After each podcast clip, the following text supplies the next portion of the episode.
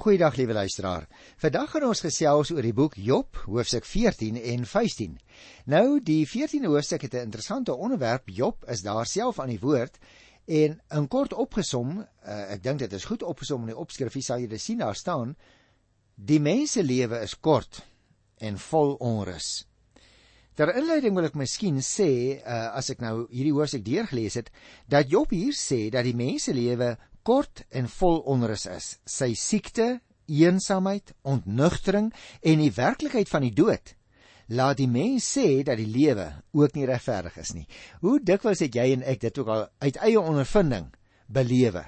Ons hoor iemand wat 'n kind verloor het of ons sê selfs van 'n jong mens of iemand wat soos ons sou sê, ag hy of sy is in die vleur van hulle lewe dood. Dit is so onnodig. Nou dit spreek iets van die onnugtering wat daar by ons is uit. Dat ons belewe ons lewe is tog so kort en dit is vol onrus baie kere veral in tye in ons eie land wanneer daar baie geweld is nie waar nie? En deurentyd is dit nou interessant dat Job vashou aan die gedagte waarop ons ook ons hoop vestig naamlik die moontlikheid van die opstanding. En dit is baie interessant liewe luisteraars, dat ons in die Ou Testament alreeds sulke klanke kry. Ons sal nog daarby kom. Die oplossing wat God is in hierdie onregverdige wêreld aan ons bied, is dat ons vir altyd by hom kan leef.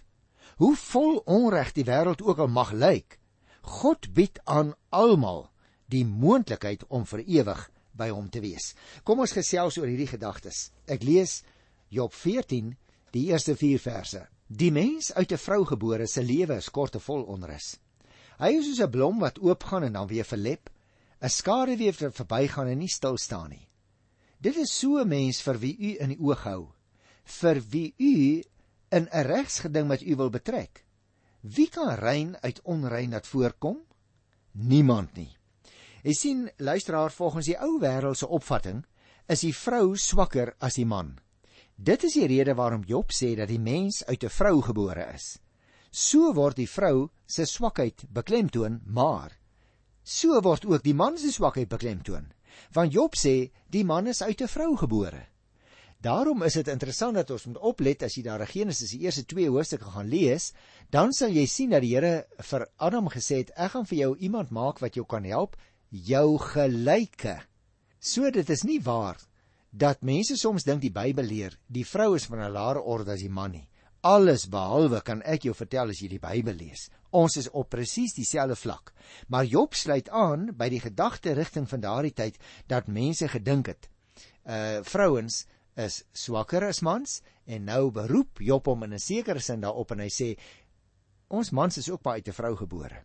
Jy sien ook die beeld van die blom wat hy gebruik in die tweede vers en die beeld van die skaduwee wat hy ook al van tevore gebruik in Hoofstuk 8 by vers 9, beklemtoon die kort lewe van die mens. Dit is dus waaroor dit hier gaan. Daarom is die opskrif die mens se lewe is kort. Dit is die punt wat daar voor moet kom. En uit die 3de en 4de verse het dit duidelik gebleik, die mens hou nie 'n blywende bedreiging vir God in nie. As hy dit ooit sou kon wees, Want wat 'n bedreiging kan ons nou vir die Almagtige wees, liewe luisteraar. En in die 4de vers het ons gesien, heeltemal onskuldig kan geen mens ooit regtig wees nie. Die vrou is dikwels van nature onrein, so sê Levitikus 12 vers 1. Maar nou moet ons onthou dit hang ook uh saam met die hele gedagte van onreinheid tydens 'n maanstonde. Vandag kyk ons heeltemal anders daarna. Dit is ook 'n opvatting van die ou wêreld wat neerslag gevind het daar in daardie spesifieke gedeelte in Levitikus 12 vers 1 tot 8. Dit is onwaarskynlik dat hier gedink word aan wat ons deesdae noem erfsonde. Ons maak dit te ingewikkeld as ons al hierdie dinge wil inlees in hierdie klompie versies in Job. Uh dit gaan bloot daaroor dat hy wil sê die mens se lewe is baie kort en nietig, soos 'n skaduwee en soos 'n blom. Jy sal onthou Jesaja 40 sê: "Vandag is ons daar. Môre ken ons plek ons nie meer nie. Ons is soos 'n blom en 'n gras van die veld. Luister na vers 5 en 6. Die mense daar is vasgestel. U het die getal van sy jare bepaal. U het dit neergelê en hy kan dit nie oorskry nie. U moet van hom af wegkyk en hom met rus laat totdat hy soos 'n huurling sy dagtaak afgehandel het. Jy sien die mens se lewe is beperk deur God. En daarom, liewe luisteraar, moet jy en ek verstaan, ons moet nie te manhaftig voor die Here wees nie. Ons is regtig maar net vir 'n kort tydjie in die wêreld. Selfs al is dit 80 of 100 jaar, dan is dit in vergelyking met die ewigheid, want onthou God is 'n ewigheidswese. Dan is dit in vergelyking met die ewigheid eintlik 'n vlietende oomblik dat die mens werklik maar in die wêreld is. Nou ja, goed, hier van die uh, 7de vers tot aan die einde van Hosea 14 kry ons eintlik hier is nie 'n indeling in die Bybel nie, liewe luisteraar, maar is eintlik 'n afdeling wat so bietjie op homself staan. Daarom wil ek eers voordat ek die detail met jou gaan bespreek, 'n paar algemene oorsigtelike opmerkings maak. Jy sien, daar is nie veel in die Ou Testament oor die opstanding uit die dood nie. En dit moet ons nie verbaas nie, luisteraars, wanneer Jesus het toe nog natuurlik nie die dood oorwin nie. Job se pessimisme oor die dood wat ons in die hele boek aantref, is dus eintlik begryplik en daarom is sy vaal hoop des te opvallender. Want mense het nie eintlik oor die toekoms en die hiernamaals regtig gedink in die Ou Testamentiese wêreld nie. As God hom net by die dooies kon wegsteek en hom dan weer na die lewe terugbring. Dit is Job se argument. Laat hy nie so swaar kry op die oomblik nie. Maar vir ons is dit belangrik om in hierdie klompie verse van vers 7 tot 22 iets te sien van die verklanking van 'n bewustheid wat daar tog by die mense van die Ou Testament was van 'n hiernamaals. As hy maar net kon sterf sê Job en weer kon lewe. Ons is meer bevoorreg as Job natuurlik wanneer ons moet ly. Want ons weet met 'n vaste sekerheid dat die dooies weer opgewek sal word. Dit leer ons veral baie helder uit die Nuwe Testament. Ons hoop luisteraars is dus gegrond op God se geopenbaarde waarheid. En daar was 'n voortgaande openbaring. Met ander woorde, alles in die Ou Testament was nog nie wat die Here in gedagte het wat ons moes weet nie. Daarom leer die Nuwe Testament ons ook dinge wat ons nie sou verstaan as ons die Ou Testament nie gehad het nie, maar aan die ander kant dinge wat ons in die Ou Testament nie te wete kom nie. Daarom sluit die Ou en die Nuwe Testament so nou by mekaar aan en daarom is nie net die Nuwe Testament nie, maar ook die Ou Testamentiese feite wat gegee word vir ons van baie groot waarde. In hierdie uh, 14de hoofstuk van hierdie verse afstel jy nou ook sien Job se diepsinnige woorde illustreer vir ons 'n groot waarheid. Dit is nie genoeg om net die regte leerstellings te hê nie. 'n Mens moet nie net weet waarin jy moet glo nie, want waarhede wat nog nie deur die maalstroom van die lewe getoets is nie, is staties en stagnant.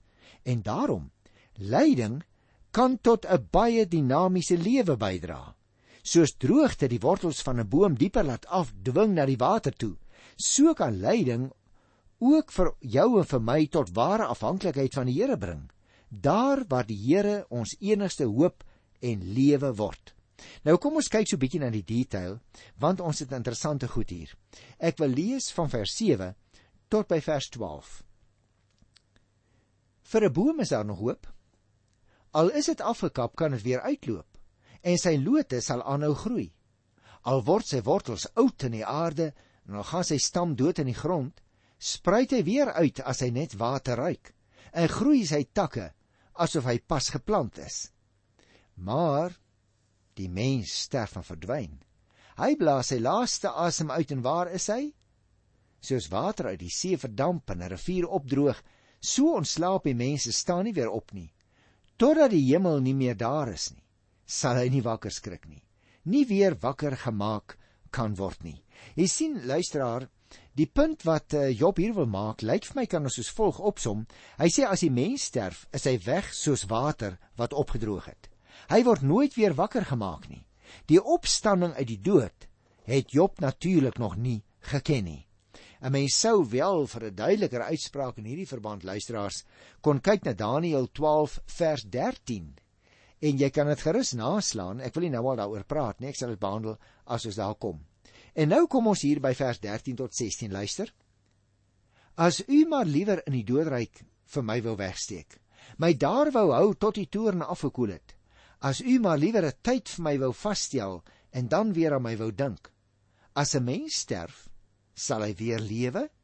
Dan sou ek al die dae van my swaar kry kon wag tot daar my nuwe lewe kom. Dan sou u my roep en ek u antwoord en sou u graag weer die maaksel van die hande wou sien. Dan sou u elke tree tel wat ek gee, maar nie ag gee op my sonde nie. Nou Job sê hier interessante dinge. As ek dit in eie woorde moet verklank, dan sê ek dit gaan hier daaroor. As daar maar 'n nuwe lewe moontlik was, reken Job, sou hy self onregverdig kon ly, sou hy self bereid wees om swaar te kry. Hy sou selfs vir 'n ruk in die doodryk weggesteek kon word teen al die rampe wat hom tref. En dan sou God hom kom roep om uit te kom en nou sê dadelik antwoord. Jy sien in die tyd dat Job in die doodryk was, sou God self na hom kon verlang. So Job sê, maar as dit moontlik is, wil u my nie wegsteek in die doodryk nie. Job dink nie aan Psalm 139 nie, né? Want as jy dit sou lees, Psalm 139, dan as jy agterkom, die Psalmis het ook gesê, 'n mens kan nêrens vir God wegkry nie. Jy kan nie opklim in die hemel nie. Jy kan nie afdaal in die doodryk nie. Jy kan nie in die weste by die see gaan woon nie? Onthou uh die Middellandse See was wes van Jerusalem. So die Psalmdigter 139 sê: 'n Mens kan nie in die weste gaan woon nie. Jy kan ook nie na die ooste probeer wegvlug nie, want oral sal die hand van die Here jou vind. Die bedoeling is natuurlik nie dat die Here jou wil vind om jou uit te roei nie. Die bedoeling is maar net 'n mens kan nie regtig vir die Here wegkruip nie. En dit is ook wat Job hier net in ander woorde sê. Tot dusver moet jy oplet, het Job gekla dat God hom dophou en hom oppas gaan kyk maar weer in Hosea 7 by vers 26 om hom te straf. So het Job soms vermoed in die lig van wat sy vriende gesê het. Gaan kyk maar in Hosea 13 vers 27. Maar in die nuwe lewe waarop waaroor Job nou begin droom, sal God bly wees om hom weer te sien. Het ons in die 15de vers gelees. En na hom kyk sonder om op sy sonde ag te gee sê hy. Met ander woorde, Job het 'n baie duidelike toekomsverwagting wat anders sal wees as dit wat hy op die oomblik in sy lydenstoestand moet deurgaan. Vers 18 en 19 en ek gaan sommer deurdruk na die einde van die hoofstuk by vers 22 is net so interessant. Daar staan in vers 17: Dan sou u my oortreding in 'n sak verseël en my sonde toemaak. Maar soos 'n berg in stukke breek en 'n rots uit sy plek losgeruk word, soos waterklippe verweer, 'n wolk breek die grond wegspoel, so vernietig u die hoop van die mens. Nou hier kom weer Job, die donkergeestige aan die woord, want hy kyk na sy eie omstandighede en nie na die Here nie. Luister na vers 22. Hy voel net die pyn aan sy eie liggaam, die smart wat aan hom bly vreet. Jy sien, alwaarvan die dooie in die doodryk bewus is volgens Job, is sy eie ellende. Nou wil ek weer sê, liewe luisteraar, ons het hier te maak met 'n bepaalde literatuursoort.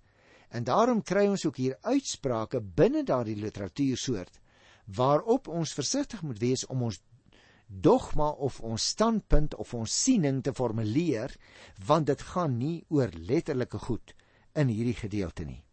Job het blykbaar vroeër nie aan al hierdie dinge gedink nie. Of anders, sê hy in 22, is selfs die smart wat aan hom bly vreet te verkies bo die bitter lyding as mens op die ashoop. En hiermee, liewe luisteraar, is die eerste reeks gesprekke nou afgehandel. Elke vriend het een keer gepraat en Job het gepraat en nou kom ons by die 15de hoofstuk waar Elifas dan nou vir die tweede keer aan die woord kom. Ek wil dus eers wat Hosea 15 betref, soos gewoonlik 'n paar algemene opmerkings maak. Elifas kom hier aan die woord en sy vraag wat daar vore kom is: "Wil jy jou woede op God koel?" Jy sien luisteraar, na die eerste aanvanklike gesprek het elkeen van Job se drie vriende op hulle argumente uitgebou. En weer het hy geen antwoord gekry nie.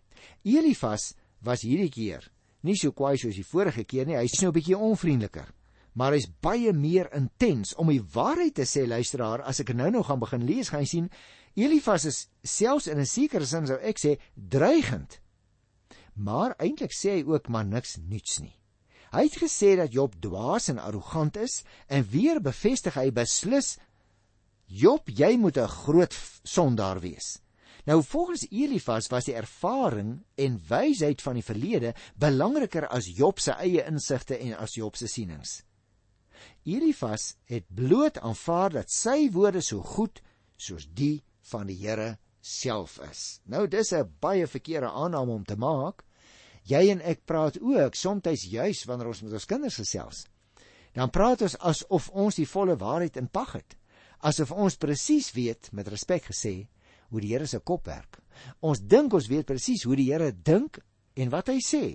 En dit is nie so nie, maar dit is nou die tipiese voorbeeld van Elifas se optrede waarin dit ook baie duidelik na vore kom in wat hy sê. Jy sien dit is maklik om te sien dat Elifas eintlik 'n baie baie hooghartige mens was. Maar kom ons kyk na sekere van die tekste. Ek is by Job die 15de hoofstuk. Ek lees die eerste 6. Toe sê Elifas: Kan 'n verstandige man soveel onsin praat? So vol wind wees. Dis nou soos hy Job nou beskuldig, né? Maar nou moet jy oplet, hy gaan dieselfde doen. Kan hy hom verdedig met woorde wat niks sê nie, met 'n praatry wat niks beteken nie? Maar jy maak selfs die eerbied vir God nutteloos. Jy maak dit onmoontlik om iets in sy teenwoordigheid te sê. Dit is jou sonde wat jou die woorde in die mond lê. Jy sien luisteraar, hier kom hy eintlik nou terug na sy ou argument. Hy sê man, daar is net een ding wat ek van jou kan skryf soos 'n bordjie wat ek om jou nek wil hang en jou hele lewe daarmee wil beskryf en dit is sonde. Vers 6 sê hy nie ek nie. Jou eie mond veroordeel jou. Alles wat jy sê getuig teen jou.